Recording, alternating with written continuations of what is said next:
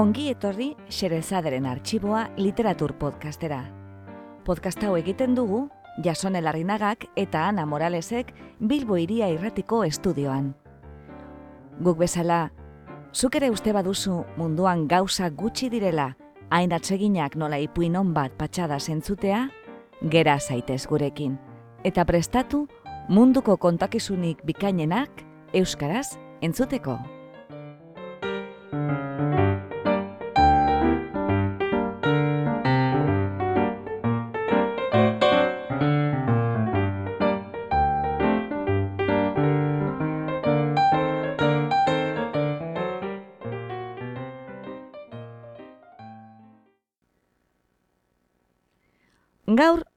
Scott Fitzgeralden ipuin bat dakargu berriz ere xerezaderen artxibora.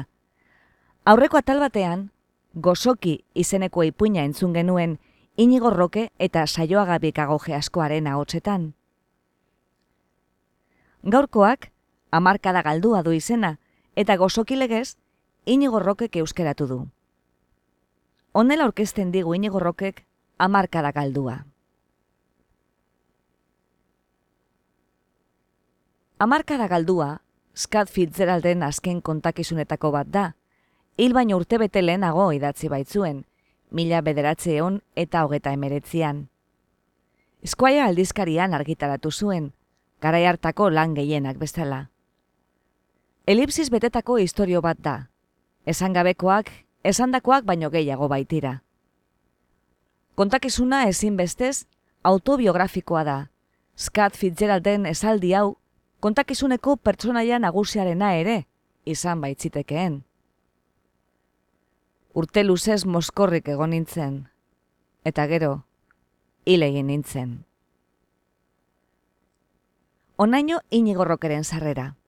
Scott Fitzgeralden gainean gehiago jakiteko, eta bere beste historio bat euskera zentzuteko, Joan Xerezaderen artxiboko blogera eta artxiboan bilatu gozoki izeneko ipuina. Eta orain, entzun dezagun, Scott Fitzgeralden amarkada galdua inigo rokeren itzulpenean. Amarkada galdua.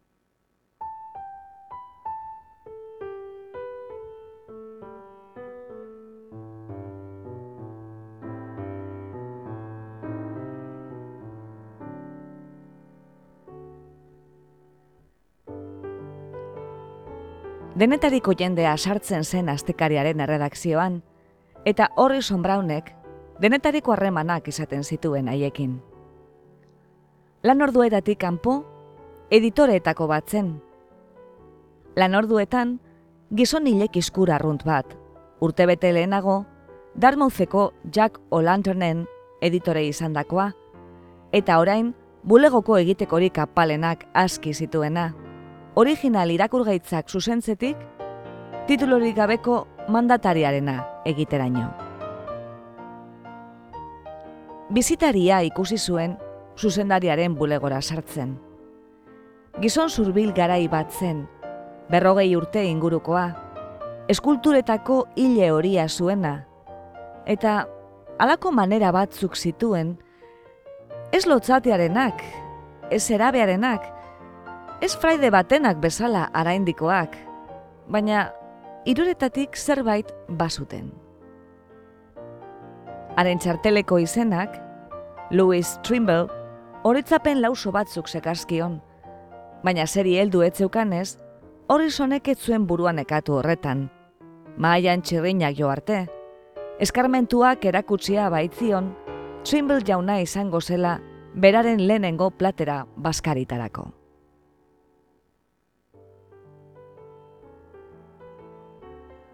Trimble jauna, Brown jauna. Esan zuen, baskaritarako diruaren iturriak. Horrezon, Trimble kanpoan izan duk denbora luzean. Hala iruditzen zaiokari, bederen, denbora luzea izan dela. Ia amabi urte. Askok, sorioneko txat hartuko liketek beren burua, azkena markada galtzeagatik. Hala da, esan zuen Horrisonek. gaur ez zaukat bazkaltzera joaterik. Jarraitu zuen nagusiak. Eramenetzak, boazanera edo hoeta batera, edo ak nahi duen lekura. Tximbeli iruditzen zaiok gauza asko dituela ikusteko. Tximbelek gizalege zuko egin zion proposamenari. Lasai, neo joango naiz bakarrik. Badakit gizona. Behiela inoketzuen zuk bezala ezagutzen niri hau. Eta Brown saiatzen bada zaldirik gabeko kotxeak zer diren asaltzen, ekarri nire atzera. Eta lauretarako hemen izango zara berriz, ezta? Horrezonek kapela hartu zuen. Amar urtez egon zara kanpoan? Galdetu zuen, igo gailuan jaitzi bitartean. Empire State Building eraikitzen hasiak ziren. Esan zuen tximbelek. Noiz izan zen hori? Ba, mila behatzeun da eta sortzi inguruan. Baina nagusiak esan duenez, zorioneko azu, hainbeste gauza galtzeagatik. Jakin guran zera erantzi zuen. Segurutik, gauza hobeak izango zenituen ikusteko. Ezin horrelakorik esan. Kalera iristean, trafikoaren burrun bazela eta, tximbelen bizaia nola larritu zen ikusirik, horrizonek beste galdera bat egin zion. Zibilizaziotik kanpo egon zara, ala? Ein batean bai. Hain ziren neurrizkoak jagitako hitzak, non horrizonek atera baitzuen, gizonak ez zuela hitz egingo berak nahi izan ezik, eta aldi berean bere buruari galdetu zion, ia hogeita marreko urteak kartzelan edo zoroetxean emango ote zituen. Onna hogeta bat famatua, esan zuen. Nahiago alduzu beste non baiten bazkaldu? Trimberg, gelditu eta arretaz begiratu zion are arrizko etxetzarrari. Gogoan dut noiz hasi zen hogeta bat afamatzen. Esan zuen. Moriarty zen urte berean edo. Gero, ia barka eske, segitu zuen. Uste dut, hobe izango dugula bosgarren etorbidean gora ibiltzea pixka batean, eta han non nahi bazkaltzea. Jente gaztea ikusteko lekuren batean. Horrizonek askar-askar begiratu zion, eta berriro hasi zen tabernetan eta horma grisetan eta tabernetan pentsatzen. Bere buruari galdetu zion, ia beraren egitekoetako bat, ote zen txinbel jaunari, neska plazentak aurkestea. Etzirudien ala ere, txinbelek alakorik zerabilenik buruan. Itxura guztien arabera, erabateko jakinmin sakona zen arena. Eta horri son saiatu zen haren izena lotzen Bird almirantearen egopoloko bidaiarekin edo Brasilgo ianetan galdutako hegazkin pilotuekin. Ura zen edo izana zen aski gizon ezaguna, biztakoa zen. Haren jatorriari buruzko arrasto bakarra, ordea, eta horri zonen ustean, arrasto arketzuen inora eramaten, zera zen. Landako gizonek bezala, nola men egiten zien semaforoei, eta nolako joera zuen denden aldetik ibiltzeko, eta ez errepide ondotik. Halako batean, gelditu eta mertzeria baten erakusleiotik begiratu zuen. Xingola gorbatak, esan zuen. Ez dut alakorik ikusi, unibertsitatea utzi nuenetik. Non ikasi zen nuen? Massachusettseko teknologia institutuan. Leku bikaina! Aste honetan joatekotan naizara. Baskalde zagun hemen inguruan. Berrogeita margarren kaletik arago zebiltzan. Zeukako eratu. Jatetxe hon bat zegoen, eguzki oial txiki bat zuena bertan. zer ikusi nahi duzu zehazki? Galdetu zuen horrizonek jesartzeaz batera. Trinbelek gogo eta egin zuen. Ara, jendearen buruen atzealdeak iradoki zuen. Haien samak, nola dauden buruak josita gorputzei. Entzun nahi nuke, ze esaten ari diren bin eskatu hoiek aitari. Ez zehatz mehatz ze esaten ari diren, espada, ia haien hitzak asaleratzen edo ondoratzen diren. Nola isten diren haien ahoak hitz egiten amaitzean. Erritmo kontu utza da. Cole Porter horregatik itzuli zen estatu batuetara, mila bederatzen dago eta sortzean. Hemen erritmo berriak zeudela iruditu zitzaiolako. Horrizon sinetzita zegoen orain basuela bere arrastoa, eta lehuntasun nadeitzuz, etzion jasarri milimetro bakarrean ere, naiz eta eutzi behar izan zion, Carnegie Hallen gau hartan kontzertu gomendagarri bat zegoela esateko gogoari. Koilaren pisua, esan zuen tximbelek. Hain da harina. Katilu txiki bat, kirten bat atxikia duena. Zerbitzari horren begiaren eskel lapala. Aspaldi ezagutu nuen, baina ez da nitaz gogoratuko. Hala ere, jatetxetik alde egitean, zerbitzariak karritu samarri begiratu zion txinbeli, ia ezagutuko balu bezala. Kanpoan zeudelarik, horri zonek barre egin zuen. Amar urteren ondoren, ez da barritzeko asuta zaztea. Lengo maiatzean afaldu nuen hemen eten zion zakar. Erokeria antzeko bat zen ura guztia, erabaki zuen horrizonek, eta bapatean, gidari utza bihurtu zen. Hemendik Rockefeller Center ikuste zakezu. Seinalatu zuen gogotsu. Eta Chrysler eraikina, eta Armistead eraikina, berri guztien aitatxoa. Almiste deraikina. Ara begiratu zuen tximbelek esaneko. Bai, neu diseinatu nuen. Horizonek buru astindu zuen alai. Oituta zegoen denetariko jendearekin ibiltzen. Maiatzean jatetxean izan zela esatea, ordea? Eraikinaren kantoi harriko letoizko xaflaren parean gelditu zen mila bederatzerun eta hogeta sortzian eraikia, zioen. Tximbelek baietz egin zuen buruarekin. Baina urte ura moskorrik egin nuen. Etengabe, zeharo moskorrik. Beraz, ez dut gaur arte ikusi. Bai? Zalantza egin zuen horrizonek sartu nahi duzu?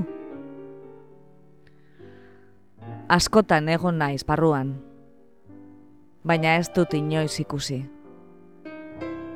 Eta orain ez dut ikusi nahi. Orain ere, enintzateke gai izango ikusteko. Jendea ikusi nahi dut, besterik ez. Nola da biltzan ara ona, zerezkoak diren haien jantziak eta zapatak, eta kapelak, eta jen begiak eta eskuak. Bostekoa emango didazun, esedez. Jakina, jauna. Eskerrik asko. Eskerrik asko. Estimatua dago. Bitxia eman dezake, baina jendeak pentsatuko du agur esaten ari garela elkarri etorbidean gora ibiliko naiz pixka batean. Beraz, esan egingo diogu elkarri agur. Esan bulegoan, lauretan izango naizelaan. Horrezonek begiekin jarraitu zion abiatu zenean. Tabernaren batera sartuko zelako ustean ia. Arengan, ordea, ezeketzuen iradokitzen edaten zuela, edo edalea izan zela. Jesus, esan zuen bere artean. Amar urte moskorrik, bapatean, bere jakaren neundura astatu zuen. Eta gero, eskua lusatu eta erpurua galkatu zuen, ondoko eraikinaren, granito haré encontrar.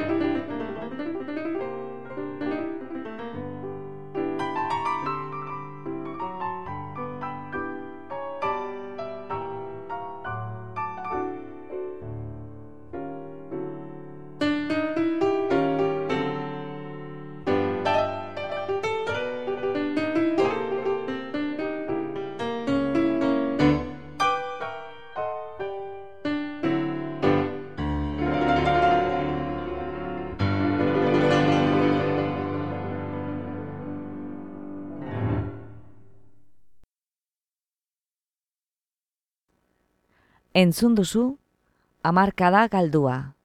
Egilea, Scott Fitzgerald. Itzultzailea, Inigo Roque.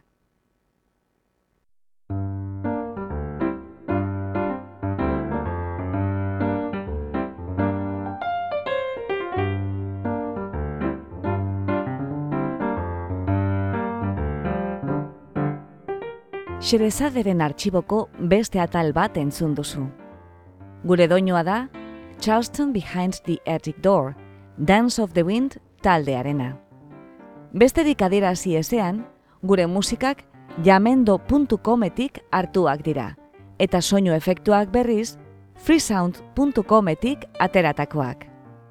Podcast hau egiten dugu Jason Elarinagak eta Ana Moralesek Bilbo Iria Irratiko estudioan. Gure audioak online entzuteko edo eskuratzeko eta podcastaren arpidedun egiteko, bilagaitzazu iTunesen edo joan gure blogera irubebikoitz.blogak.com barra isa a lp. Irriketan gaude zure iritzia jakiteko eta zure gurariak betetzeko. Beraz, gure blogera soazenean, eza astu iruzkina ustea eta irakurgai proposamenak egitea. Eskerrik asko gurera hurbiltzeagatik. Gustora egon bazara, etorri urrengo batean berriz ere, Xerezaderen arxiboa literatur podcastera. Laster arte!